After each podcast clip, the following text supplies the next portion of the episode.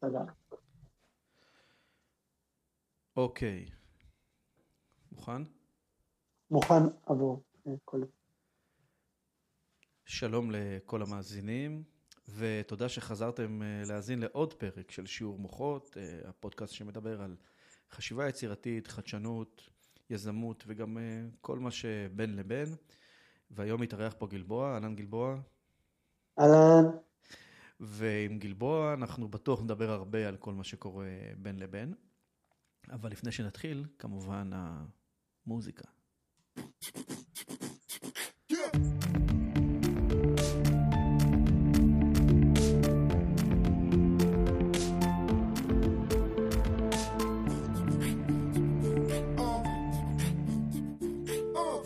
אהלן גלבוע. תקשיב, אחלה פתיח, כיפי כזה. כן, הוא כזה מעורר. בוא, בוא, נשמור, לאנרג... בוא נשמור לאנרגיות האלה. אז אה, גלבוע, גלבוע, אה, אני אציג אותך, אבל קודם כל אני אגיד שגלבוע זה קודם כל חבר. אה, ולקח לנו הרבה זמן להגיע למצב שאני מקליט אותך. ואני אספר ככה איך, איך הכרנו, כי אתה לא חבר כזה מכיתה א' כזה, אנחנו גדלנו ביחד, ולא יודע, זרקנו קובבות על ילדים. לא, אנחנו... בעצם פלירטטתי איתך בפייסבוק, כי נראית לי בן אדם אה, מעניין. אה, אני רציתי לעשות אה, פודקאסט על, על אזור פרדס חנה כרכור, ואתה נראית לי האיש הנכון, כי אתה איש של מילים ואיש של תוכן. ואפילו הצלחנו קצת, עשינו כמעט שלושה פרקים עד שהקורונה אה, פירקה לנו את הפודקאסט. אה, ומעבר לזה יש לנו הרבה מאוד דברים שהם משותפים, זאת אומרת, שנינו בעצם חלק מהדברים שעשינו ביחד זה להחליק ביחד על אה, קרוור, ולטייל קצת, ולהיפגש ולשתות בירה, ולדבר, ובעיקר, בעיקר להתחכם. אה, אבל בואו קצת נספר קצת יותר עליך. אתה, קודם כל, אני תמיד מגדיר אותך שאתה איש של מילים, אתה מתעסק בכתיבה, אתה מתעסק בכתיבה של זיכרונות של אנשים, להפוך אותם לספרים. אתה כמובן תרחיב על זה יותר, כי אני מפשט את זה מדי. ו... היית איש חינוך, ויש לך אה, יזמויות שקשורות ל, אה, לעולמות היפניים, אה, למזרח הרחוק, כמו קייטנת ילדים שמתעסקת, שהיא סביב העולם הזה, אייקידו ועוד כל מיני דברים אחרים, אבל נראה לי שאתה תספר לעצמך יותר טוב ממני. אז בוא, בוא נתחיל, ספר לנו עליך קצת. אז אני אתחיל, אני אגיד שאני לא יודע למה, אני כאילו קצת נרתע מהקטע הזה שאנשים אומרים, אני איש של מילים. אה, זה קצת כמו שקשה לי לקרוא לעצמי סופר. אה, אני חושב שהשפה העברית היא, בשנים שבהם התחלתי להתעסק בכתיבה, כל הזמן חייתי בתחושה שיש פה משהו שהוא גדול ממני, משהו שהוא נשגב. אה, ברמה של כאילו, השפה הזאת כל כך מורכבת, כל כך אה, משתנה כל כך מהר, אה, אתה יודע, אתה יכול לקרוא שיר של רחל וזה כאילו שפה אחרת לגמרי. אה, ולהגיד שאני, כאילו, אני, עוד יותר מוזר בעיניי, או לא יודע איך לקרוא לזה, שמישהו אומר על עצמו שהוא איש של מילים. אה, אני משתמש, נעזר במילים, או משתמש במילים, אבל אני כל הזמן נמצא במצב של למידה, במצב של אני לא באמת יודע, וגם דברים שאני לומד על העברית, לפעמים אני שוכח אותם, אני צריך ללמוד אותם עוד הפעם. אה, יש הרבה רבדים בכתיבה שהם, אה, שהם של מילים, כן? למשל, אתה יכול לכתוב מאוד מעניין, אבל לא טוב. אתה יכול לכתוב לא טוב, זאת אומרת, אה, יש הרבה כאלה. אתה יודע, בפייסבוק אתה כן? רואה שיש הרבה כאלה שהם... הם כותבים אה, טקסט שהוא מאוד מעניין לקרוא אותו, אבל כשאתה מתחיל להיכנס לחוקים ול... תחבירית, זה נכון. תחבירית נכון. ואיות ודברים כאלה, אתה אומר, אללה איסטר ולקתו. מצד שני, כשאתה מקשיב לשירים היום, ש... ש... בוא נגיד שהצעירים, הצעירים שבינינו שומעים, כן. אתה אומר כאילו, אוקיי, אני מבין מאיפה מגיע העברית הזאת, מאיפה מגיע חוסר הידע של לחבר מילים תחבירית באיך שזה, אנחנו הכרנו את זה שאנחנו גדלנו. אבל בוא תספר רגע איך נכון, הגעת בכלל לזה. מצד שני, בוא תספר איך הגעת לזה. מצד שני אני אגיד, ש... רגע, אני אגיד מצד שני שחוסר הידע שלהם, מה שאתה קורא, זה בדיוק כמו שכשאני אה, פוגש אה, סבא בן 90, אז מדי פעם יש כאלה שמבחינתם, למרות שהם כבר התרגלו כמובן, אבל העברית שלנו היא מאוד אה, נכון, יומיומית ולא... כן. אה, אז בואו נספר איך הגעתי לזה. אה, נקודת ההתחלה של, שלי ככותב ספרי זיכרונות, סלש ביוגרפיות, היא די בזה שאני למדתי חינוך במכללת תל חי לפני עשור, עשור וקצת, ובשנה השנייה שלי ראיתי מייל כזה שהפיצו שהם מחפשים, סטודנט שהגיע בשנה ראשונה חיפש אה, אה, מישהו שיצטרף ויקים איתו עיתון, וזה לא קרה, זאת אומרת, הוא שלח מייל ועוד מייל ועוד מייל ואף אחד לא ענה לו כנראה, כי בשלב מסוים הוא כתב ואף אחד לא עונה לי, אה, והרגשתי כל כך לא נעים מה, מהבחור הנחמד הזה, שכל כך רוצה, שאמרתי, טוב, אם זה יעשה לו טוב על הלב, אז אני אשלח לו איזה סיפור. ו, ושלחתי, והתגלגלתי לעולם הזה של עיתונות, אה, וגם לערוך אחר כך את העיתון הזה יחד איתו, ו...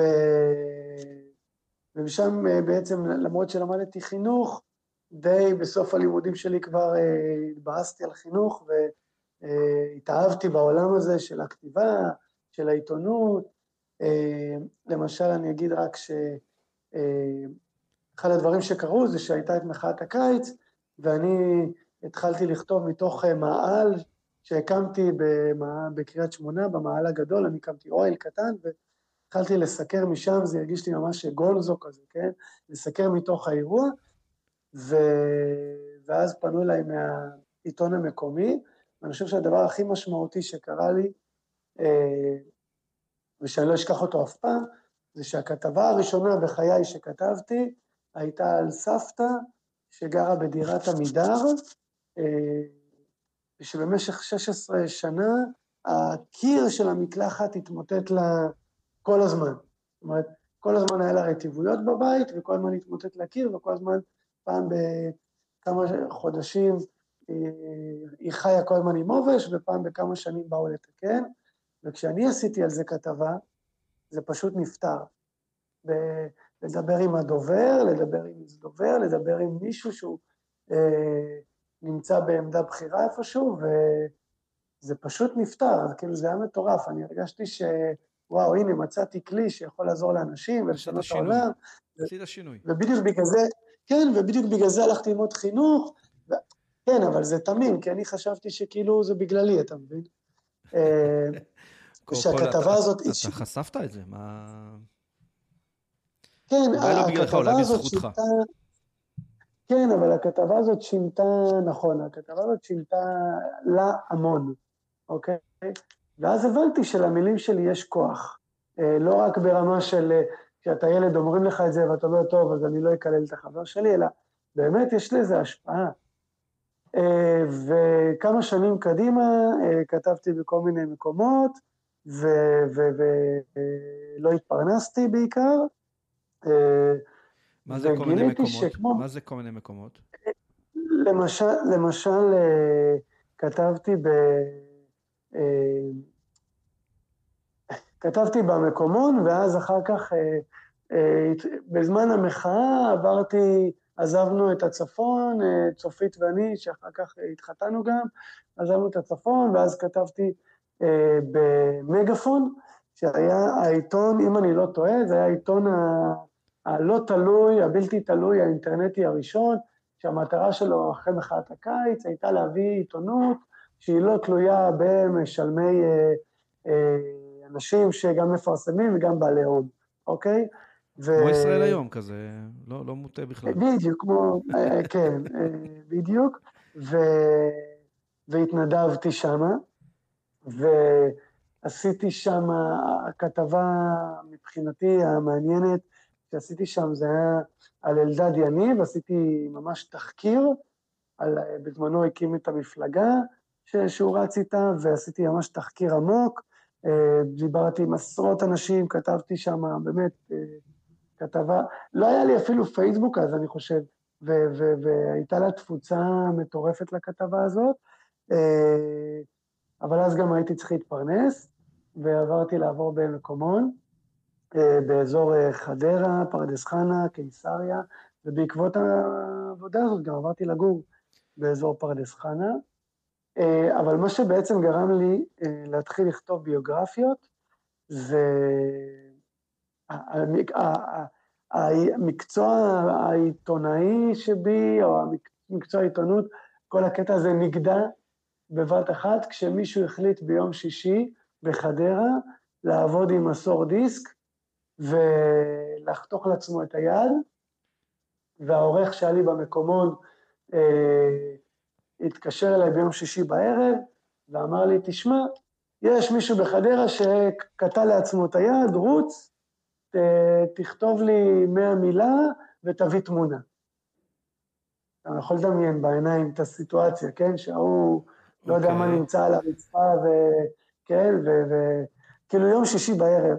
אמרתי לו, תשמע, אחי, אתה משלם לי 4,000 שקל על 12 שעות עבודה ביום, בחוזה שלנו אין שישי-שבת, אני לא הולך לשום מקום.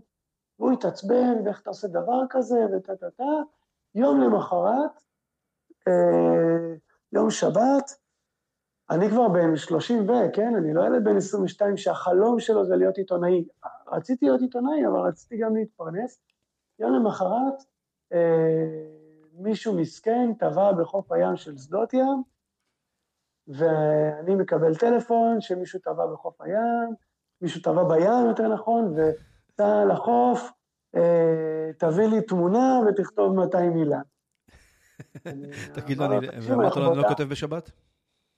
אמרתי לו, אני לא כותב בשבת, אם זה לא כתוב לי בחוזה. אני יכול לכתוב בשבת, אני יכול לעשות הכל, תלוי כמה משלמים לי. ו... והוא ממש התעצבן, ואני התעצבנתי, ואמרתי, אני לא, כאילו, אמרתי, פה יעבור הגבול, כי באמת לא שמתי לעצמי גבול, אני נסעתי לכל מקום, כתבתי על כל דבר, דברים שעניינו אותי ולא עניינו אותי, ובאמת עבדתי אה, כמו, לא כמו חמור, עבדתי ממש, אה, הייתי חמור, ו... ואז החלטתי ש... שאני, כאילו הוא אמר לי, אם אתה לא נוסע להביא את הכתבה, אתה מחר לא מגיע, אתה מפוטר. אמרתי לו, סבבה. אני אה, באותו רגע התפטרתי מהעיתון, ואשתי אה, אז הייתה עצמאית וגם עבדה מהבית, ואמרתי לה, אני אה, לא הולך לשום מקום ולא עושה שום דבר עד אשר אני לא מוצא פתרון לבעיה שנקראת שכירות. אני לא הולך להיות שכיר של אף אחד יותר, לא אכפת לי לאכול לחם וזיתים, וכל חיי, אני לא הולך להיות עבד של אף אחד יותר. וישבתי על כורסה בשמש, אגב, זה היה יוני-יולי כזה, ואני זוכר, הייתה לנו כורסה מחוץ לבית, קמתי בבוקר בקטע של אני הולך למצוא פתרון לבעיה הזאת, ואני הולך אה, להיות בן אדם עשיר, אה, שלא תלוי באף אחד, ואתה יודע, כזה עם מלא חשיבות עצמית יצאתי לכורסה, התייבשתי בשמש עד הצהריים, ואז נכנסתי הביתה, אמרתי לה, את שומעת? יש לי רעיון לאפליקציה. היא אומרת לי, כן. כל, כל יזם ואז... טוב מתחיל מרעיון לאפליקציה. כן, ברור, ברור. ואז אמרתי לה, כן, היא תעשה ככה וככה, ואפליקציה, וזה, והיה לי מלא, כל הזמן יצאתי וחזרתי מהכורסה ושתיתי מים, ואמרתי לה, כן, אתה נותן למישהו ספר והוא לא מש, מחזיר לך אותו, ובאפליקציה זה יתריע, ו, וכל פעם אמרה לי, די, די, תפסיק, תפסיק, תמשיך, תמשיך אה, לחשוב. ת, ת, ת, כאילו, היא הבינה שאני במשבר, היא הכילה אותי. היו אז ילדים? אה, היה אז? לא, מה פתאום, אם היה ילדים... לא, כן, כן, זה היה כמה שנים לפני, אבל כאילו... אה, אתה יודע מה, לא יודע אם זה היה משנה, יכול להיות, אבל כש, כשאני נכנס למצב הזה, ל, ל, לרגע הזה, אחרי זה נדבר גם על האתגרים שאני עושה מדי פעם, אבל כשאני נכנס ל...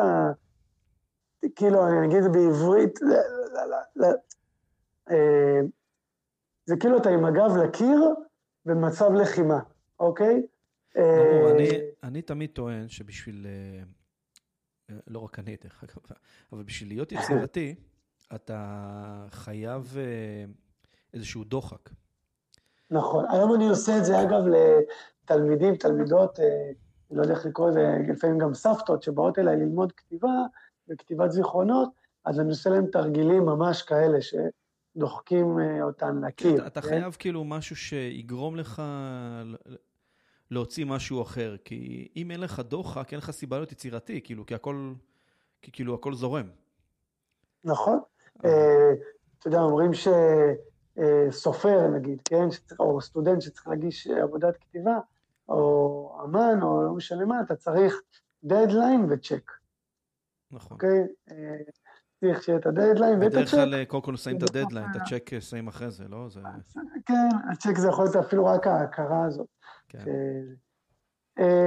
ובעצם, ואז יום אחד היא אמרה לי, תחשוב, מה אהבת? מה, על מה אהבת לכתוב בעיתון? ונזכרתי שכמה שבועות לפני זה אה, עשיתי כתבה מאוד מאוד גדולה, קרקור הייתה בת מאה, ואני הגעתי לעורך שלי עם רעיון למצוא אנשים בני מאה, או קרוב למאה, לגיל מאה בקרקור, ולראיין אותם, ובאמת מצאתי כמה וכמה אנשים נחמדים, והגעתי לאיזו סבתא מקסימה הביתה, ישבתי אצלה שלוש שעות. מהמילה, כן? מהמילה זה, לא יודע מה, חצי מטוויט, כן? אה, אני לא יודע כמה יש בטוויטר באמת, אבל נכון, זה, זה כלום. כלום. וישבתי אצלה שלוש שעות, דיברתי איתה, הקשבתי לה, אה, שתיתי מים, תה, עוגה, בסוף היא הוציאה, כי עברו שלוש שעות וכבר אה, חשבתי שאני הולך להתעלף, והיא רצתה שאני אשאר עוד, אז היא כבר הוציאה את העוגה, ו... וזה היה מדהים, היה לי כיף, ובסוף, ממש, נכנסה פסקה, ואמרתי לה, את יודעת מה?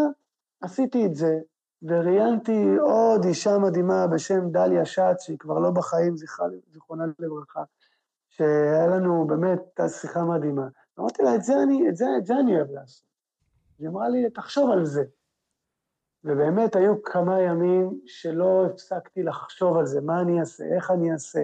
אני אעשה להם הרעיון הראשוני שלי היה לעשות כתבת מגזין, כמו שיש בידיעות או במעריב כזה, שעושים כתבת מגזין על מישהו, ממש להדפיס להם. כל פעם כאילו על מישהו אחר, ו... אה, כן, כאילו לעשות להם, שלו, לעשות כמו להם, עיתון, כן, הבנתי, אוקיי. כאילו הגיע עיתונאי ועשה עליה עכשיו כתבת מגזין, והדפיס את זה בעיתון, ותהיה תמונה שלה, ו... אבל איכשהו מהר מאוד אני הבנתי שזה יותר מזה, והחלטתי לעשות פיילוט. והצעתי לבעלת הבית שלנו שאני אעשה את הפיילוט עליה. ואגב, פה אני רוצה לתת עצה למי שמקשיב, אה, שפעם הייתי בגישה של אל תיתן את עצמך בחינם, אם אתה רוצה להצליח בחיים האלה, תתקצב את עצמך גבוה וכל מיני דברים כאלה.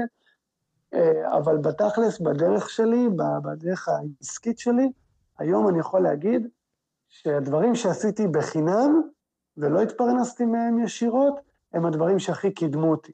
אחר כך אה, נזכיר למשל את הטור שכתבתי במשך שנתיים. והצעתי לה, אמרתי לה, תקשיבי, אה, אה, ככה וככה, את רואה אותי על הספה, אני צריך לשלם לך שכר דירה, אל תדאגי. אה, כדי שזה יקרה, אני אשמח אה, לעשות עלייך אה, פיילוט, אה, לכתוב לך, אה, סליחה, אה, את הפיילוט עשיתי על אה, אימא של צופית, כתבתי לה ספר, אה, נפגשתי איתה לבד אה, פעמיים, אני חושב, בלבד, וכתבתי לה ספר זיכרונות, ספרון כזה, שעד היום היא מדברת עליו אגב, וזה היה מדהים, והבנתי, ואמרתי, לא, זה חייב להיות בספר, ו... אבל היא גרה רחוק ממני, ובעלת הבית שלי, שעבדנו על הספר שלה, אני ראיתי מה זה עושה לה. זאת אומרת, אצל אה, אימא של אשתי, ריבה, שתחיה עוד הרבה שנים, אה, אה, ראיתי את התוצאה, כן? ראיתי מה קורה לה כשהיא מקבלת את הספר, והדפסנו עותקים, ובני המשפחה קיבלו, והיא סיפרה לחברות, וזה ממש כזה עשה לה טוב, אבל אה, לבעלת הבית שלי בזמנו, שקראו לה תמר, אה, ראית את התהליך גם. ראית כאילו מה... את התהליך, ואני אתן לך, אני אתן לך דוגמה. הדלתות שלנו היו, היו מקבילות, זאת אומרת, היה איזה 20 מטרים, שאני בבוקר יכול לפתוח את הדלת, לצאת החוצה לספה שלי ולראות אותה, יוצאת מהבית ונ... לא יודע, המילה נמעכת היא הכי מתאימה, היא לא נשענת אפילו, היא נעזרת בקיר, הולכת ומדדה, ו... ו... והרבה פעמים היה לה סחרחורות. ואז כשהתחלנו לעבוד על הספר, גרתי אז בעתלית, אה, ופתאום אני, אני, אני קולט שכשהיא באה אלינו, היא רוצה לקרוא לי, היא רוצה להגיד לי, מצאתי תמונה, היא ממש חיה, היא זזה, היא, לא אגיד לך מקפצת, כן? זה לא, אתה יודע, מה שמדמיינים בסרטים, שרואים את הנוצרי שם למישהו יד על, כן. על המצח ואומר לו, אתה תקום ותלך. זה נתן לה תכלית, זה נתן לה תכלית אה, להיות פעילה. תקשיב, הבן שלה בא אליי ואמר לי, אני לא יודע מה אתה עושה, רק תמשיך, כי אם אנחנו פתאום אה, מרגישים אותה הרבה יותר אנרגטית, וזה בשבילי היה מדהים. ועד היום, כשמתקשרים אליי לספר זיכרונות, אני אומר, אם מתקשרת אליי הבת שרוצה ספר לאימא שלה, אני אומר לה, זה שתי מתנות. אתם מקבלים את הספר, היא לא הלקוחה של הספר שלה, מקבלת את התהליך. וכל הזמן אני פוגש בזה גם היום אחרי 50 ספרים, אה, אה, וגם, ועוד 60 ספרים, שבעצם זה 60 ספרים שאנשים כתבו בעצמם לעצמם, אני רואה כל הזמן כמה, שזה היה אגב בתקופת הקורונה, עשיתי קורס שסבים וסבתות כותבים את הספר יחד איתי בזום, בוא, אני בוא ראיתי נדבר, בוא נדבר רגע, בוא באמת נדבר כן. רגע על תקופת הקורונה. כי תקופת הקורונה אתה עשית, בוא נגיד את זה ככה, הכתיבת זיכרונות של אנשים, אה, אין מה לעשות, כשאתה רוצה להוציא מאנשים מידע, המפגש והשיחה שלפני והשיחה שתוך כדי ואיך הם מגיבים לשאלות שלך ואתה יודע איך לשאול את השאלה כי אתה רואה את הפנים ואת התנועות גוף שלהם, זה אחרת מאשר לעשות את זה מרחוק. וזה בטח עשה קצת איזה יצר איזושהי בעיה בזמן הקורונה, וגם אתה עשית, ואתה עדיין עושה, סדנאות כתיבה, ופתאום הקורונה אמרה, הופה, אין סדנאות כתיבה, גם הרבה מאוד מה, מהלקוחות שלך בסדנאות כתיבה היו אנשים שהם מבוגרים, ואמרו להם, אתם לא יוצאים מהבית. זה לא, כן. כאילו, זה, זה, זה, היה פה דוחק אחר פתאום. אבל עדיין הצלחת לייצר לעצמך עבודה, ואפילו לא מעט. השאלה היא... אם אנחנו מדברים, תשאל ואני... לא, השאלה היא כאילו איך הצלחת בתוך כל הסיפור הזה, שנקרא אה, קורונה, הצלחת עדיין לייצר ערך שהוא לא רק טכני. בעזרת, אה, כן, כן, בעזרת, אה, המוטו שלי בחיים הוא כזה שאני אומר, באמת, בכל תחום כמעט, כן? אני פה בזכות היכולת שלי, כמו שאתה ואני חברים ומצאנו מחנה, מחנה כזה משותף ומחנה אחר ורצינו לעשות דברים ביחד, באמת באמת היכולת לאגד סביבך חברים איכותיים. ומה שקרה בקורונה, זה שאני הייתי במשבר מאוד מאוד גדול. בתחילת הקורונה, קודם כל, במשך חודשים, אתה יודע, כשאתה עצמאי, אז החלום שלך זה להגיע לגופים גדולים, כן? אם uh, תאגיד כזה או אחר ייקח ממני סדנת כתיבה, או יקנה במתנה ספר יציאה לפנסיה לעובד שלו. זה פשוט הסקייל, זה אתה יכול uh, ל... יש, לעשות פחות, להרוויח יותר. במ... בדיוק. יש לנו במחשבה שכאילו ברגע שהגוף הגדול ייקח את השירותים שלך, אז אתה שווה משהו. אתה יכול לראות את זה בכל אתר של מישהו ש... ש, שעושה אתר אינטרנט, יש uh, בין לקוחותינו, כן? ואז uh, הוא יכתוב את הגופים הגדולים שאי פעם כן. דיברו איתו, וזה בסדר גמור, זה אחלה.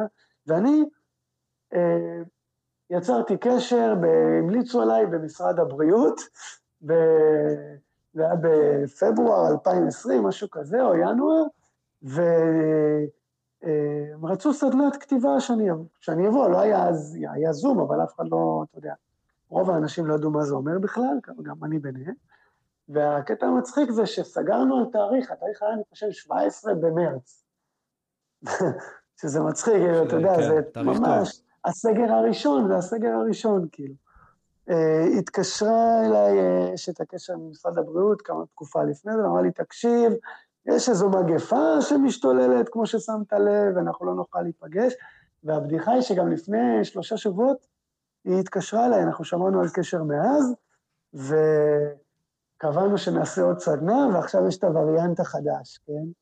אז כאילו, עוד פעם, משרד הבריאות נכנס כזה למגננה ולמקום של, רגע, אנחנו לא יכולים ליהנות עכשיו, אנחנו צריכים לעבוד, אבל באותם ימים, עם הביטול של הסדנה הזאת, והסגר, מה, אתה יודע, להיות בסגר, אה, זה היה מטורף, כאילו, והתחושה וה, שלי הייתה, זה לא רק תחושה, בכלל של כולם, שהסבים וסבתות של כולנו בסכנה, כן? עכשיו, הם הסבים וסבתות של כולנו, מצד שני הם גם הלקוחות שלי, הם אלה שבזכותם אני מתפרנס, וכבר יש לי אה, שני ילדים, ואני מאכיל אותם עם, ה, עם העסק הזה, וכל הסבים וסבתות מבחינתי עומדים למות, ותוסיף לזה שהיה זה קצת סוף קיצון, שבוע... זה קצת קיצוני המחשבה הזאת, לא? אבל, אבל זה מה שהרגשתי, כי זה מה שאמרו, והיה סוף שבוע של סופה, הכל היה צהוב, אני זוכר, אני בכלל לא אשכח את זה, היה סגר, יצאתי מהבית, היה שקט שמקפיא את הדם, ואמרתי, את זה אני אזכור לספר בספר שלי, ופשוט עמדתי באמצע הרחוב, ונשמתי כזה את כל התחושה הזאת, והסתכלתי על, ה, על הרחוב, ואמרתי, את זה אני אתאר בספר זיכרונות שלי לילדים שלי. מי יכתוב לך אותו? זה היה שקט. אה, תלוי, נראה.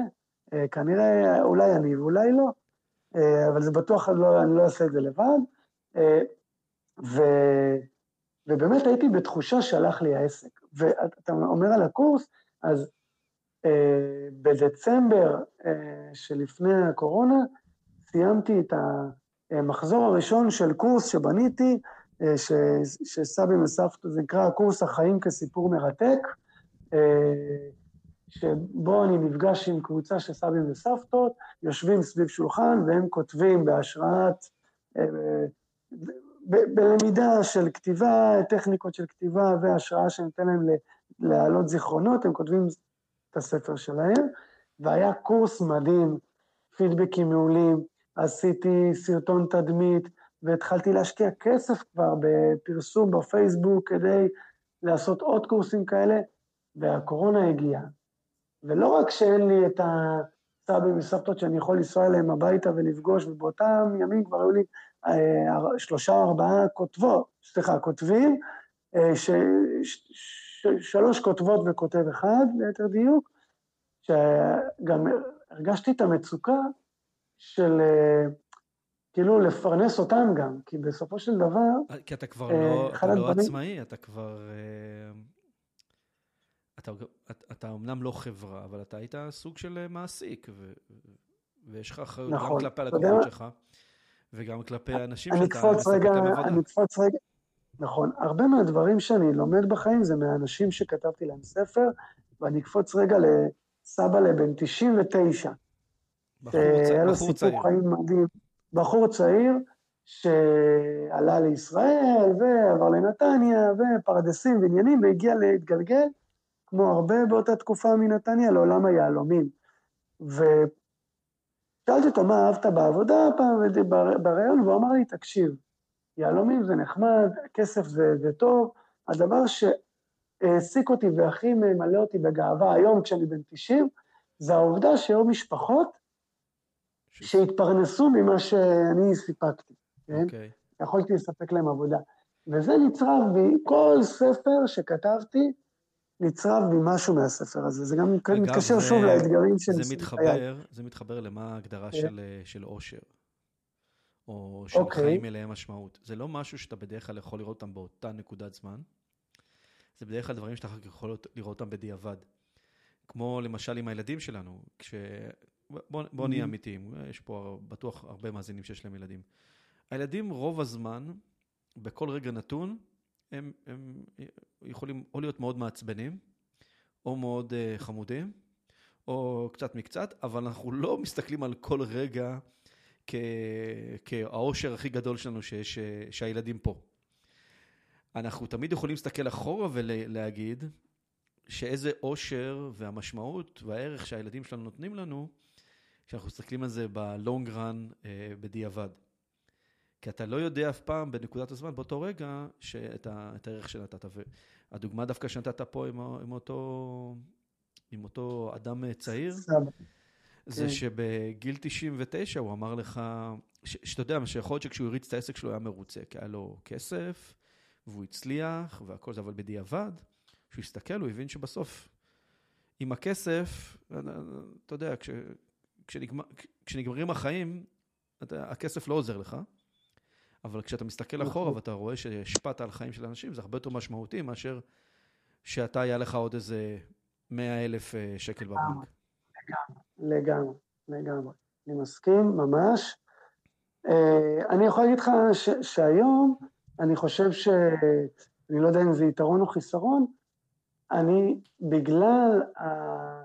בזכות הספרים שכתבתי ואני כותב, ובזכות האנשים המיוחדים שאני פוגש כל הזמן, אני כאילו חי גם את הבדיעבד, אני חי כבר את העתיד. אה, אני יכול להגיד לך שאחד הדברים שאני עושה, זה פעם בכמה זמן אני נכנס אה, למחשב וכותב לילדים שלי אה, על החיים שלנו היום. ואז אני שולח את זה במייל, יש אוקיי. לכל אחד מהם, לכל, לכל אחד מהם יש מייל שהוא יקבל בבר מצווה או בת מצווה. תקשיב, אוקיי. זה, זה מגניב, כי... זה לא המצאה שלי, אני יודע שלא אבל- המצאה שלך, לא המצאה שלך, כן. אה, אבל אה, אתה יודע מה, בוא ננסה לעשות את זה. אני כאילו מסתכל אה, בזה שאני, שבפייסבוק, אני, שבפייסבוק אני עושה להם, אה, יש להם כאילו, אין להם יוזרים, אבל יש להם סקרפבוק כזה, שכל כל, מק- כל תמונה שהם מתויגים, כשהם יפתחו חשבון, אז הכל יעבור אליהם, ואז כאילו יהיה להם את הזיכרונות הוויזואליים של כל מה שעשינו כמשפחה. אבל, ו, ויש לכל אחד מהם מייל, אז אולי יהיה באמת מעניין לכתוב להם מייל, אה, מייל, פעם אתה בשבוע מבין, אבל. אני למשל, אני למשל, אתמול אשתי שלחה לי תמונה של הילדים אה, במקלחת, שהאמבטיה מלאה בקצף וזה, ו, אה, וכתבתי לה אה, שאחלה תמונה, אה, נביך אותם טוב טוב איתה בעתיד. אני כבר חי את העתיד, אתה מבין? אתה, ש, שאימא שלך באה ואומרת לך, איזה מקסימה היית, איזה, והיא מראה לך תמונה, אתה אומר, אימא, תרחיק את זה ממני, מה את עכשיו, מה מעלה לי את הזיכרון הזה, זה לא היה ככה. כן? וואי וואי, כמות, או- כמות הסרטונים שיש לי לחתונות של הילדים, כן. שדברים מביכים, אז- אז אני, אני גם כן חושב על זה ככה. ה... אבל זה כן. באמת נחמד, אולי באמת כאילו לא רק לשלוח בוואטסאפ, פשוט אה, לשלוח גם במייל. ואתה יודע, אתה עושה כאילו, זה- בגדול זו אותה פעולה. זה לא איזה משהו כן, מאוד אני- מאוד קשה. אתה עושה איזה רשימת תפוצה, פמילי, וזהו, מעיף את זה. לגמרי. מה שכן, אצלי, אה, אני לא רואה את זה שוב. זאת אומרת, אני כותב את זה, זורק את זה לשם, כן. וזה נמצא שם, ואני מוסיף לפעמים תמונות, ובעיניי זה כאילו, לא יודע, זה. זה כאילו, מעניין. כי בסופו של דבר, בסופו של דבר, תראה, אנחנו נמצאים בעידן הפוסט-אמת, נכון? אין באמת נכון ולא נכון, אמיתי ולא אמיתי, קרה או לא קרה. אנחנו חיים בעידן שבו אתה יכול להישען מחשבתית על דברים אה, בפוליטיקה או במדינה שלך, שקרו או בכלל לא קרו, קיימים או לא קיימים, ואתה לא באמת יכול אה, לדעת, אתה לא באמת יכול... הנה, אנחנו נמצאים עכשיו בעידן הקורונה, ויש אנשים שמבחינתם זה קיים, ויש אנשים שמבחינתם זה לא קיים. וכשעושים סגר ואומרים לך, אתה חייב ללכת עם מסכה, אתה לא יודע אם האוויר מעול במשהו או לא, אתה נכנס לחרדות, לסטרס. אבל, אה, ומבחינתי, לכתוב לילדים שלי את מה שהיום קורה, זה, זו האמת. אה, האמת במרכאות, כי לא האמת, האמת, היא האמת שלי, איך שאני רואה את הדברים. כן, אבל זה, אה, זה לשקף להם, ש- זה לשקף להם, אה, כן, בוא כן, נגיד את זה ככה. כמו שהיא עכשיו. זה, זה לא רק זה, זה גם, כשאנחנו היינו ילדים, ההורים שלנו לא צילמו אותנו בסמארטפון כל היום. זאת אומרת, כמות התמונות נכון. שיש לנו כילדים, היא שואפת לאפס, לעומת כמות התמונות שיש לילדים שלנו ב, בשנה, אוקיי? כמות התמונות שיש לי שואפת לאפס, לעומת כמות התמונות שיש לי שאני בלי ראש. מה? אתה מבין צילמו בפילים. אה, כי אף אחד לא יודע. אבל אה, זה מה שטוב שיש לך אח טוב. רק שתיקחו את זה, ראו שיש לך, נכון, לשכפל. לא, כן, זה לא משנה, אף אחד לא כן. יכול להגיד אם זה אתה או הוא. עד היום. כן, כן, כן, נכון. אבל תראה, אני חייב רגע, לעשות אה, הטיה של הסיפור שלך. בבקשה. כי בין כל הכתיבת ספרים וחינוך והדברים האלה שאתה מאוד אה, מזוהה איתם, כאילו לעסק, לעסק שלך קוראים חי בספר, אה, וזה פרויקטים מדהימים, ו, ולא דיברנו על זה, אתה אמרת פעמיים, דיברת על צופית והילדים, אבל צופית היא כאילו, אם אתה, למרות שלא אוהב את ההגדרה, אתה איש של מילים, צופית היא איש של, אישה של... של ויז'ואל, זאת אומרת, היא מתעסקת ב... כן. בלספר סיפורים של נכון. אנשים דרך וידאו. אה, אם זה נכון. עסקים, או אפילו גם שיתופי פעולה שעשיתם ביחד, של אה, זיכרונות של אנשים. נכון. וזה מאוד נכון, מעניין. נכון, היא מצלמת ועורכת. זה, זה, זה באמת מאוד מעניין, למרות שבטוח שיש על זה, יש השפעה, כי אתם חיים אחד עם השני הרבה זמן. זה מאוד מעניין שהצלחתם למצוא אה, כל אחד את הערך שהוא מביא לעולם דרך לתת משהו אחר לאנשים. אתה כאילו בצד, ה, נקרא לזה טקסטואלי דיבור, והיא בצד הוויזואלי אה, אה, וגם אה, אודיו, כי בסוף וידאו זה גם אודיו. וקודם כל זה חיבור מעניין. היא גם מוזיקאית, אה, מוזיקאית ומוזיקלית, אז מסתדר לה. ואני יכול להגיד לך שפעם עשו כתבה בדה מרקר על בני זוג שעובדים ביחד, ואנחנו מאז אותה ספה שאמרתי לה, אה, חלפו מאז, אה, חושב, שמונה שנים או משהו כזה, שאמרתי לה, אני לא הולך לעבוד של אף אחד אחר וכל זה. אה, מאז אנחנו עובדים כתף לכתף במשרד שהוא כזה, לא יודע, שלוש על שלוש, ביחד, וגם עכשיו אנחנו עוד כמה חודשים נעבור לבית החדש שלנו, ואחד הדברים שאמרנו, אנחנו לא הולכים לעבוד בנפרד. זאת אומרת, במשרד יש את האנרגיה הזאת, אני מתייעץ איתה הרבה, היא, אתה יודע, כאילו, אני, אני מי שאני בזכותה, כזה, אה, מתייעץ איתה הרבה, לומד ממנה הרבה. תעשה חולצה כזאת לפיג'מה. כן, אני יכול להגיד לך שאני לא יכול לראות, שכשהיא אה, מסיימת סרטון, היא, היא מבקשת שאני אצפה בו, זאת אומרת, אני היום יכול, אני ראיתי אלפי סרטונים, אז היום כשמישהו ש... אה, עורך סרטון חובבני כזה ושם בפייסבוק או משהו כזה או ברשת, אני כאילו, כבר כאילו יש לי עין כזאת, אתה יודע, שרואה את, ה... את הדברים שצריך להוריד או להוסיף, אה, לרוב, לרוב זה תמיד להוריד אגב. ברור. ברור. אה, גם בכתיבה, גם בכתיבה. לצמצם. אתה רוצה לכתוב, למחוק, כן, כן, למחוק, למחוק, למחוק. נכון. זה ה... דרך אגב, אני הייתי נותן אה, לסטודנטים שלי שנה שעברה, שנתנו להם אה, לעשות אה, תקציר של הרעיון שלהם, אז אמרנו להם, תתחילו מלכתוב אותו ב-500 מילים. אוקיי. אחרי זה צמצמו, את זה, אחרי זה צמצמו את זה ל-200 מילים. ואחרי זה בואו נראה אתכם מורידים את זה ל-150, וזה גורם לך לזקק את המיל, למילים הנכונות. נכון, אני, אני, גם בגלל זה, אני גם בגלל זה עושה את כל המצגות שלי באנגלית. כי אנגלית זה לא השפה הראשונה שאני חושב בה, ואז כשאני צריך לכתוב דברים באנגלית, אני חושב על מסר מאוד ברור וקליט. כי אני לא יודע. כאילו זה לא כן. שפת אם שלי שאני כאילו יודע לבלבל את המוח בה. אני כאילו צריך כן. שתיים, שלוש, גג, ארבע מילים שמעבירות את המסר. וזה גורם לך כזה, כאילו, זה סוג של דוחק כזה, כי אתה שם את עצמך מגבלות שאתה צריך לעמוד בהן. אבל אה, למה שאני כיוונתי פה עם השאלה שלי, שזה שאתם שניכם חיים בעולמות של תוכן, ואתם, אה, יש לכם אה, הפריה הדדית, כאילו, גם בעולמות היצירה וגם כמשפחה, ויש לכם שני, שני ילדים אה, מגניבים. ו... תודה.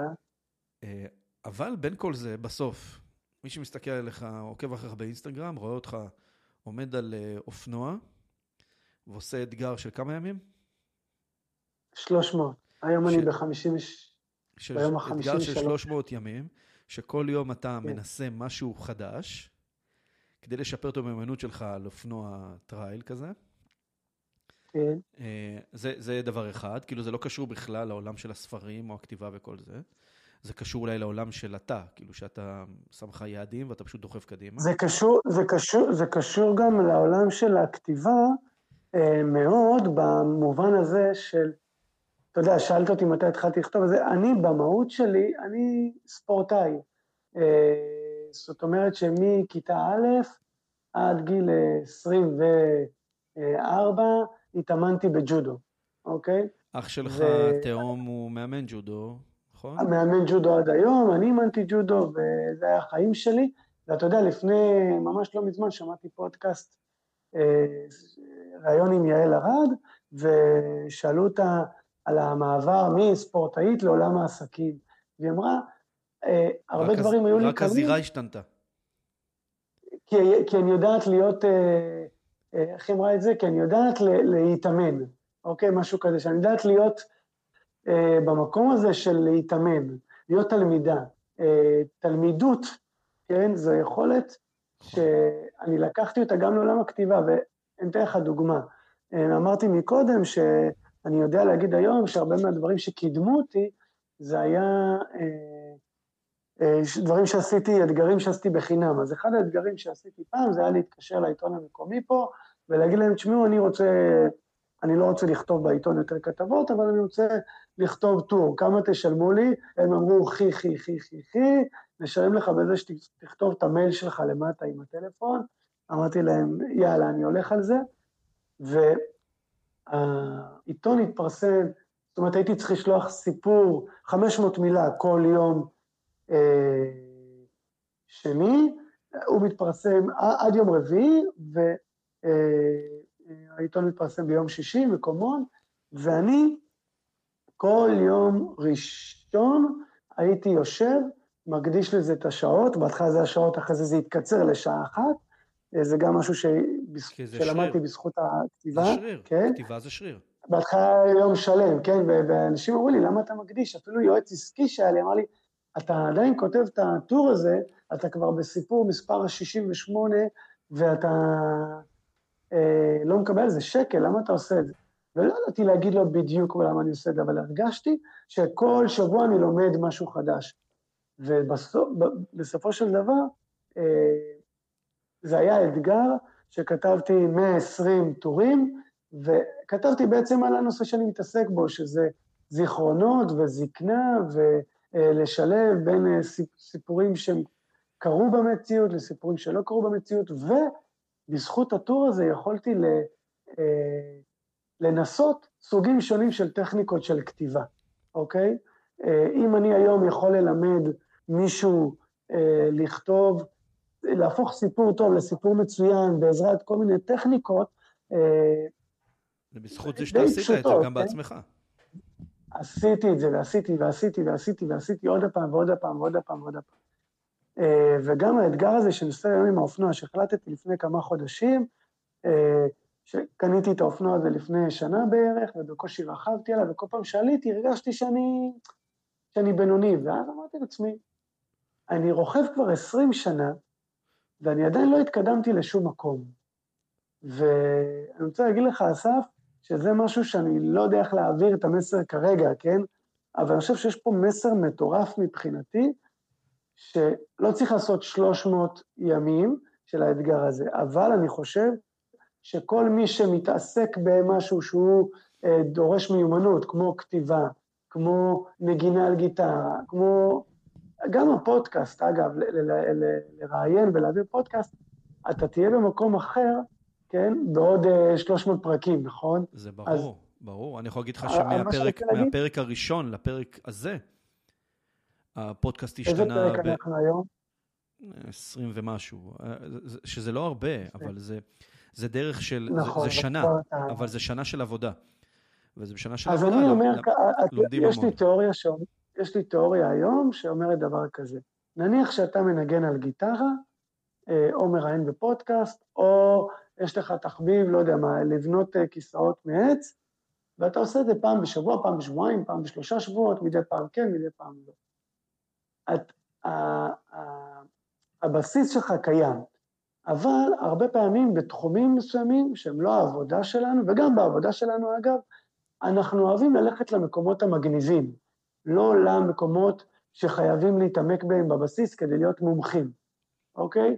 אה, ואז מה שאני החלטתי לעשות, ומה שאני ממליץ מאוד לאנשים לעשות, זה לעשות במשך 30 ימים רצופים, כל יום להקדיש שעה או שעה וחצי, אם זה נגינה על גיטרה למשל, במשך שעה כל יום, לא משנה מה קורה לך בחיים, אה, ילדים, אה, עבודה, מעבר דירה, אתה אומר 30 ימים, אני במשך שעה נניח, או שעה וחצי, נניח שעה בלבד, מנגן, אוקיי? עכשיו, זה לא רק מנגן את השירים שאני אוהב, לא, תקדיש שעה לבסיס.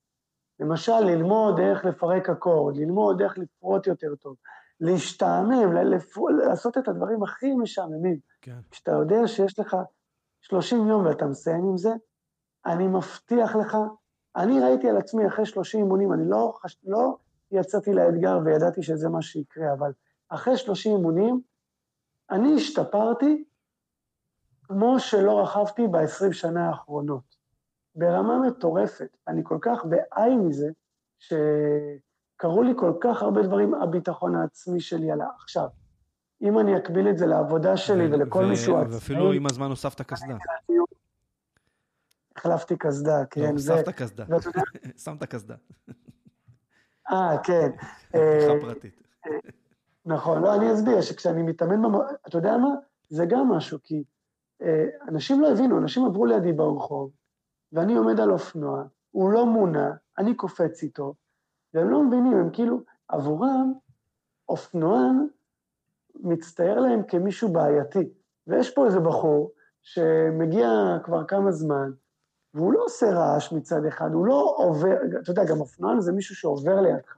כן. כן? עובר, מגיע חולף, עושה רעש, מפריע לך, מעיר את הילדים, הוא ארס, הוא אה, בנדיט, הוא מסכן את עצמו, כאילו יש לך את התדמית בראש של מה זה אופנוען, יש לך תדמית בראש של מה זה בן אדם של מילים, נכון? נכון. יש לנו תדמית בראש של, של כל בן אדם שהוא מייצג או משתייך לאיזה משהו, ואני חושב שאני לא כל כך נופל בהרבה מקומות ב... אתה לא נופל בהרבה מקומות בהרבה, בהרבה בהגדרות. דברים. נכון, בהרבה דברים. אה, ואני רוצה להגיד לך שהם לא הבינו מה קורה, ומבחינתי, אני לא הנעתי את האופנוע חצי מהאימונים, לא יותר. ומבחינתי הייתה פה עוד איזה מין, היה תוצר לוואי נוסף שהיה מדהים בעיניי, שפתאום לא הייתי האויב שלהם, אתה מבין? כי בתור מישהו שהוא אופנוען, אה, אני יודע שהרבה פעמים אנחנו מייצרים בתור קהילה, מייצרים אנטגוניזם, אנחנו לא אוהבים אותנו, ואתם עושים ככה, אחת החוויות המעולות שאני חווה לאחרונה, זה שאני נוסע על האופנוע בכביש, כשאני נוסע בכביש, כן?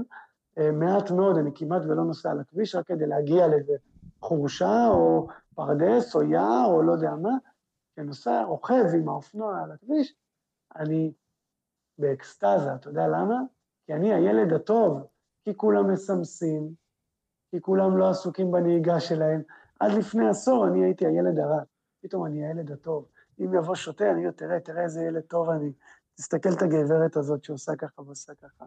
אז זה ככה על השינוי הזה של... על השינוי שעשית, אבל אני... שמה שאתגר מייצר אצלך כשאתה חווה אותו בצורה עמוקה ביותר. כן, אבל זה לא רק הדברים היחידים שאתה עושה, כי אתה לוקח לעצמך כל מיני אתגרים שהם לאו דווקא אתגרים כאילו כמו ש-300 יום אה, להשתפר במיומנות של רכיבה. אבל... כן. אני חייב לשאול, אף פעם לא הבנתי, למרות שזה, שזה גם ביזנס, אבל קייטנה יפנית. כן. כאילו, מה זה, אתה יודע, זה לא קשור לדיי ג'וב שלך, של נכון. חי בספר, וברוך השם, אני, לפחות ממה שאני יודע, יש עבודה. ו... וגם, אה, אה, כאילו, זה גדל, והעסק של צופית והכל, כאילו, לא, לא חסר לך זה. ואז פתאום בקיץ, אתה ו... עובד כמו משוגע, שבועיים. אתה ואיתמר. תמר זדוף כן, ומאיו זדוף. שהוא מומחה אייקידו, נכון? נכון, והוא גם יפנולוג. למד את זה הרבה שנים ביפן. כן. ונשוי גם ליפנית, אה, מאיו, נכון? מאיו? מאיו, נכון, נכון, מאיו. כן. שזה, כאילו פתאום אתה אומר, אוקיי. שהיא המנית היא קבנה, היא המנית היא קבנה, אוקיי. שאתה אומר כאילו, אוקיי, סבבה, אני עובד, יש לי קשה, יש לי ילדים, יש לי זה, אני רוצה לקנות בית, אני, יש לי ארמון על הראש, פתאום בום, בקיץ, טראח. אני חייב איזה כמה עשרות ילדים באיזה אולם במתנס, עם הקורונה, עם תו כזה, תו כזה, עם האוכל הזה, עם האוכל הזה, חייב לעשות קייטנה. למה? אה, אמרתי לך מקודם שאחד הדברים שאני מאמין בהם זה שבן אדם שרוצה להצליח, וההצלחה, אחת ההצלחות הכי גדולות שלי, זה החברים שלי. אה, ואני התחלתי להתאמן אצל איתמר באייקידו לפני כמה שנים, הוא אז עוד עבדתי בבית ספר, בחצי משרה, והיה לי את חי בספר מהצהריים עד הלילה כזה, ו... אה, הוא אמר, איתמר אמר, תשמע, אני כאילו, לאשתי יש חלום להביא את תרבות יפן בצורה מאוד מאוד ישירה ו- ו- ונכונה לילדים בפרדס חנה. ואנחנו נשמח אם תצטרף אלינו כשותף לקייטנה, כאיש חינוך. וקודם כל, הוא ניגש אליי, ו... גם מי שלא יודע, הוא... אני, סליחה שאני קוטע אותך, כן. מי שלא יודע, זה שבאזור פרדס חנה, בנימינה, יש הרבה מאוד משפחות אה, שחלקן או כולן לגמרי ממוצא יפני. נכון, זה, זה, זה באופן... המקום השני אחרי תל אביב, כן. כן, זה, זה, אה... זה מאוד מפתיע, ויש, והתרבות, אה, היא, היא, לא, היא, לא מספ, היא, היא לא מספיק כאילו מוחצנת החוצה כדי שאחרים ידעו מה, מה, מה השכנים שלהם, חבר'ה, אנשים מהקהילה, אה, להכיר אותם טיפה יותר לעומק, וזה היה, היה חלק מהרעיון בעצם של לעשות הקייטנה, נכון? להנגיש בעצם את, ה, את החלק מהתרבות הזאת לילדים. אני, אני, אתה יודע, ישראלים, אנחנו כישראלים, אנחנו מאוד מאוד מאוד אוהבים את תרבות יפן. ואנחנו אחת המדינות שאנשים פה טסים ליפן, נהיה קטע כזה מגיל, יוצאים לפנסיה, או לא משנה מה, יוצאים לטיול, ביפן. ו... אה, ואנחנו מאוד מתחברים לתרבות הזאת, אפשר לחשוב למה, כן, ולנתח את זה פילוסופית, אבל אה, יש משהו ב... ב... כשאיתמר ומאיו, איתמר חזר לישראל ומאיו עלתה לישראל, ואתה יודע, אנחנו הרבה פעמים בתור ישראלי אנחנו מציגים מקום אחר או סיפור של מישהו אחר, אגב, לספר סיפור ולכתוב למישהו ספר, אנחנו מציגים את זה בצורה לא תמיד הכי נכונה. אלא שהכי נוחה לנו, אוקיי? אה, אה, וככה הם הרגישו כלפי איך שישראלים חווים את יפן. כן, יפן זה לא רק ג'פניקה, אה, או לא יודע מה, כן, או מישהי ש... זה אפילו ממש לא ג'פניקה. אני, כן, אני הכרתי מישהו באופן אישי, שבעולם האומנויות לחימה, שמאז שהייתי ילד סיפר לי על החוויות שלו ביפן, וחשבתי שהוא אשכרה גדל שם, הוא היה שם שבועיים, כן?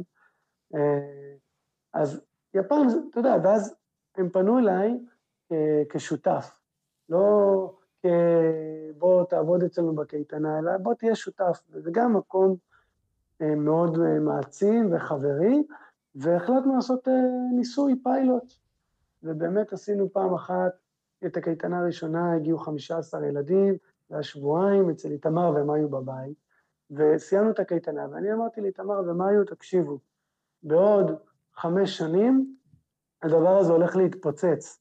אנחנו הולכים אה, לגדול בטירוף, ולא משנה אה, אם אנחנו נהיה חובבנים או מקצוענים או לא משנה מה, רק מספיק שנהיה, זה, כי אנחנו ראינו את הילדים, את התגובות, את ההורים. אה, אני ראיתי שזה משהו אחר, אני עבדתי בקייטנות מגיל 15. אה, וזה פשוט אה, כל שנה היה מדהים. ובקורונה, אה, באוגוסט, אה, זה היה בין הסגרים, מה שנקרא, כן? והחלטנו ברגע האחרון כן לעשות קייטנה. וזה שבועיים מאוד קשים עבורי, שמצד אחד יש את חי בספר, ויש לי ספר לכתוב למשל, ויש לי אה, לקוחות לדבר איתם, ויש לי כותבים וכותבות שצריכים לקבל מענה, וגם יש את הילדים ואתה גמור מעייפות, ואתה יודע, בשמש באוגוסט. אה, למה אני עושה את זה? אתה יודע, זה עוד משהו שאני נהנה לעשות. אני לא מגדיר את עצמי רק ככותב אה, ספרי זיכרונות. זה חי בספר, העסק הזה, זה כמו, ש, כמו היד בגוף שלי, כן? זה משהו שהוא חלק ממני. אה, זה לא ביזנס רק, זה לא, זה, זה כאילו, זה חלק מהמהות שלי. אתה יודע את זה, אתה, אני חושב שהרבה אנשים גם מרגישים את זה. גם ב... בדמות שלי בפייסבוק לצורך העניין, ובגלל זה, אגב, האתגר עם האופנוע הוא בכלל באינסטגרם. אני לא כותב על זה בפייסבוק, אני לא משתף על זה בפייסבוק, כי גם האינסטגרם לפני זה לא ידעתי כל כך מה עושים איתו בכלל. אבל החלטתי שאם אני אתעד את זה ואני רוצה שזה, לתעד את שזה זה... שזה גם חלק מהאתגר. תכלס. כן, כי אני לא, לא תכננתי את זה, זה פשוט, אחרי האימון הראשון היה לי כל כך כיף. אמרתי, וואי, אני רוצה לשתף, אני, רוצ, אני רוצה לתעד את ה... אני אצלם את זה.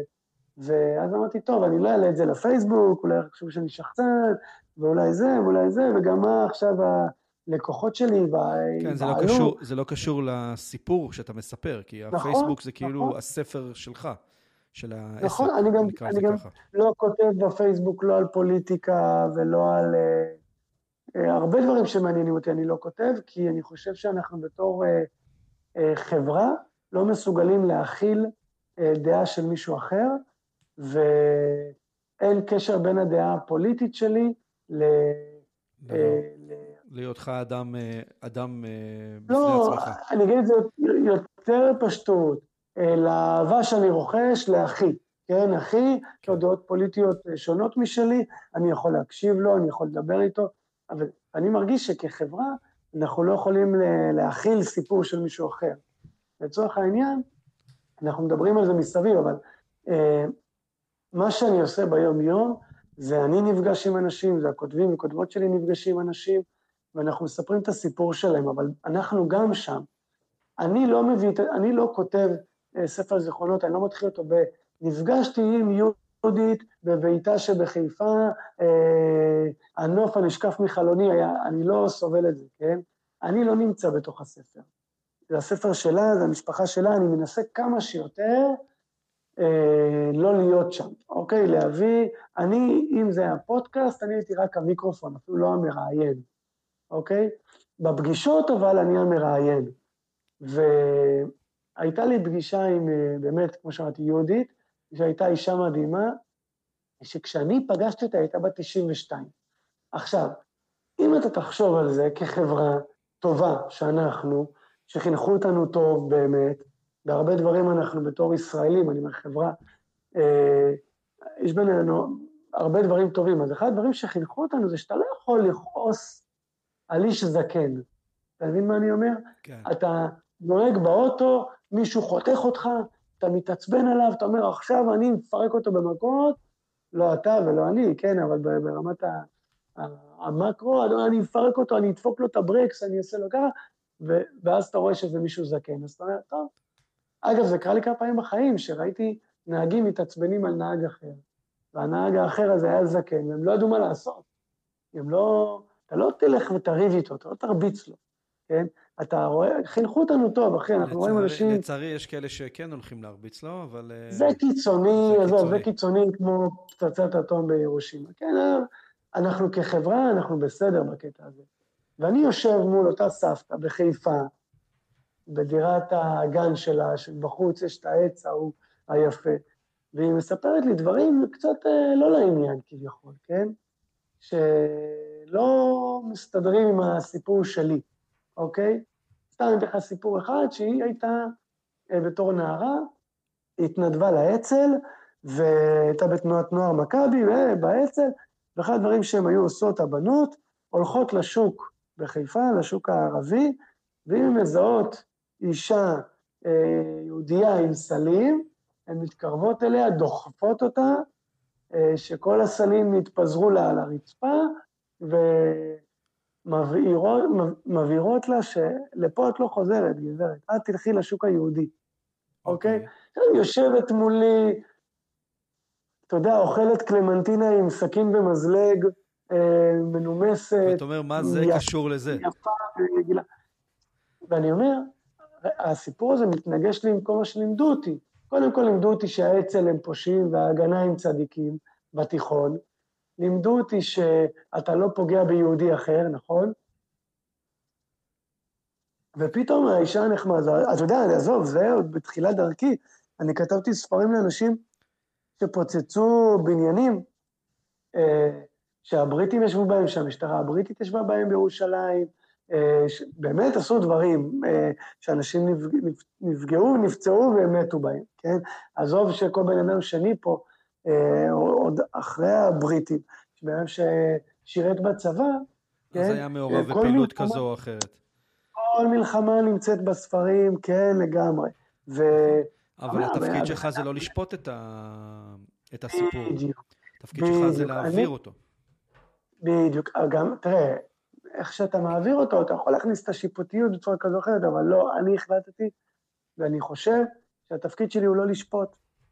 אני כן יכול לבוא ולהגיד בספר שבו, זה קורה לי הרבה, יש אה, מישהו שהוא גרוש, והוא מנסה להשחיל, מה שנקרא במרכאות, לגרושתו בספר, להגיד איפה היא עשתה ככה וככה, אז אני, אני כן מראה לו, מדפיס את הדף, מסמן לו, או שולח לו, תלוי כמה הוא טכנולוגי, ואומר לו, תקשיב, כן, אבל, יש אבל עובדות, זה לא, אבל זה לא בגלל שזו דעתך. החוויה שלך,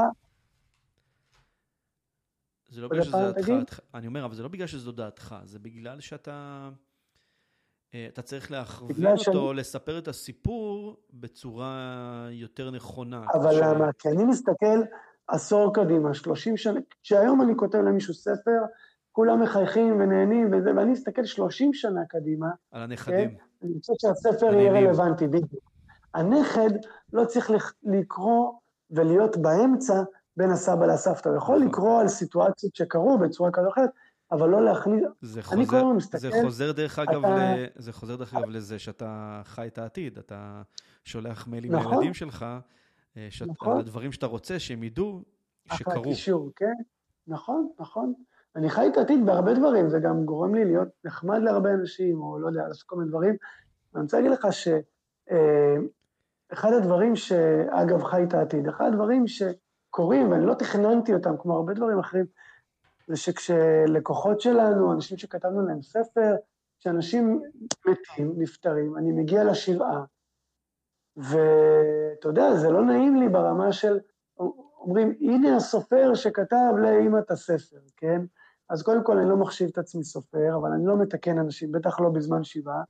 ו, והדבר המדהים שקורה זה שאנשים שמתים ולילדים שלהם יש נשאר ספר זיכרונות, הילדים שלהם אנשים הרבה יותר, אה, לא יודע אם נגיד מאושרים, שלמים, אה, שלווים, זאת אומרת, יותר מסופקים מהקטע הזה, שיש להם משהו ביד, שהוא הזיכרון של אמא או אבא, סבא או סבתא. ברור. ואני אתן לך דוגמה שמישהי שלחה לי הודעה פעם, היא כתבה לי, גלבוע, אה, הלילה סבתא נפטרה ואנחנו מאושרים, פסיק, שהספקנו לעשות את הספר הזה.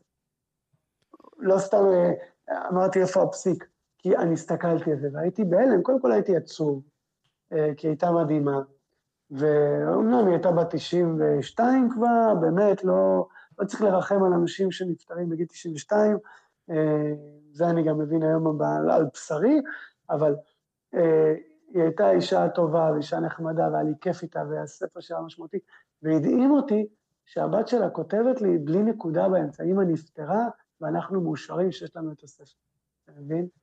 אה, ואני חושב שזו החוויה החזקה שאני הולך איתה. אני חושב שזה סיפור שאנחנו יכולים לסיים איתו את הפרק, אנחנו כבר אה, שעה בתוך השיחה שלנו, ו... ולסכם את זה, כי זה גם נגעת בזה לפני כן. התחלת מה... אה, מהסיפור על הזקנה שכתבת עליה ב... בקריית שמונה. בקריית שמונה, על זה שהיא, אה, שינית לה את ה... בוא נגיד, לא שינית לה את החיים, אבל שינית לה אה, נקודה בחיים למשהו יותר טוב. ואז היהלומן אה, בן ה-99 שהסביר לך שבסוף מה שעשה לו טוב בחיים זה זה שהוא פרנס משפחות, ולאו דווקא זה שהוא עשה הרבה כסף.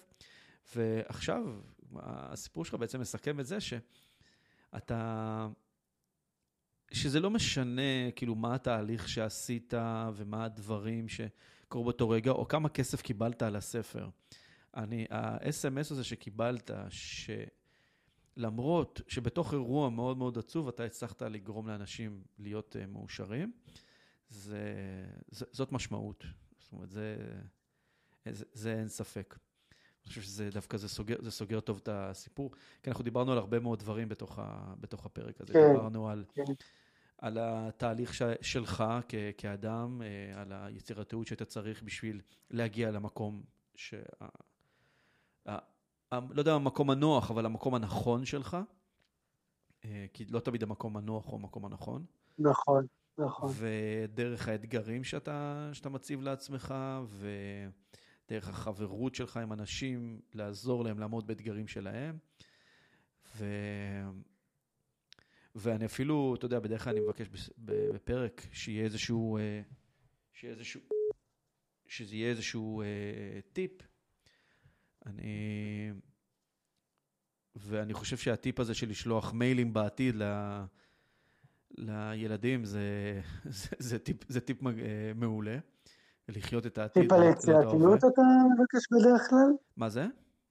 אני שומע את הפודקאסט שלך, אני אומר, הטיפ על אה, איך לפתח את, ה, את השריר היצירתי, אתה מדבר. כן, לתת איזשהו, לא, זה בכלל לתת איזשהו טיפ, לא כולם אני מבקש, מ, בדרך כלל לתת איזשהו טיפ, אני חושב שהטיפ, וזה דרך אגב גם מפתח את השריר היצירתי, כי אתה צריך לדעת מה לכתוב לילדים שלך בעתיד. נכון, זה, נכון. אתה, והמייל הראשון יהיה מאוד מאוד קשה, כי אתה לא תדע מה המסר שאתה רוצה להעביר. והמייל האח, האחרון, זה נקרא, זה תמיד המייל של האחרון שכתבת, הוא כבר יהיה יותר קל. וכל פעם, כל פעם כן. המייל האחרון יהפוך להיות יותר קל. אגב, אני חושב שיכול להיות מעניין לעשות את, לעשות את זה שליחה מתוזמנת.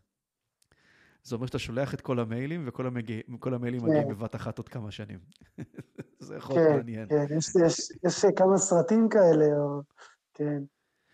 אז, אה, אז אה, גלבוע, המון תודה. תודה לך, היה לי כיף, היה תענוג. אולי עוד נעשה פרק המשך, כי נראה לי שאפשר לדבר עוד אה, שעות על התחום שלך והסיפורים.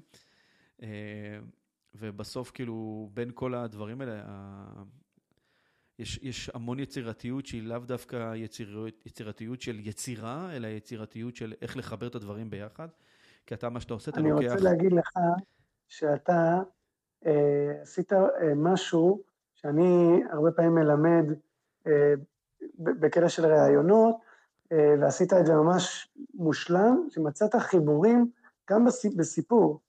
אני לא חשבתי על החיבור בין האימיילים שאני שולח לדאגה לעתיד, כן? זה, אבל זה מה שאני... החיבורים האלה, זה מה שאני מדבר עליו תמיד. וזה מראה שהאוזן שלך כבר, כן. יצירתיות, יצירתיות זה היכולת שלנו לייצר חיבורים. להוציא משהו חדש מ, אה, מתוך אה, פרטי מידע וש, וידע שיש לנו. ו, ואתה באמת גם מה שאתה עושה, אתה לוקח זיכרונות מפוזרים של אנשים ויוצר מהם סיפור חדש, שהוא ישן, אז אתה מספר אותו בצורה אחרת. וזה בדיוק מה שקורה בתהליך הזה, שהם פתאום מקבלים אה, שיקוף של אה, דרך חיים שהם עשו, כן. או דברים שהם עשו במהלך השנים שהם לא חשבו למה הם עשו את זה, פתאום מבינים למה הם יצאו למסע הזה, או למה הם עשו משהו בראייה, ספציפי. בראייה לאחור, בראייה לאחור אנחנו תמיד מקבלים את המשמעות, זה גם כן היה לנו mm. בדרך של הזה. אז גלבוע, המון תודה. אני אשים uh, בתיאור של הפרק, נשים uh, קישור ל... לאינסטגרם שלך, למי שרוצה לעקוב אחרי האתגר, אולי בסוף יהיה לך מלא עוקבים. וכמובן אה, לחי בספר, אה, והמון תודה, ואנחנו נמשיך להיות בקשר. ותודה לכל מי שהאזין, אה, כל מי שהאזין לפרק. זה היה עוד פרק בשיעור מוחות, פודקאסט על יצירתיות, חדשנות, חשיבה יצירתית וכל מה שביניהם, וראיתם שאפשר למצוא הרבה ביניהם. וכמו שאנחנו מתחילים, אנחנו גם מסיימים עם סגיר. thank you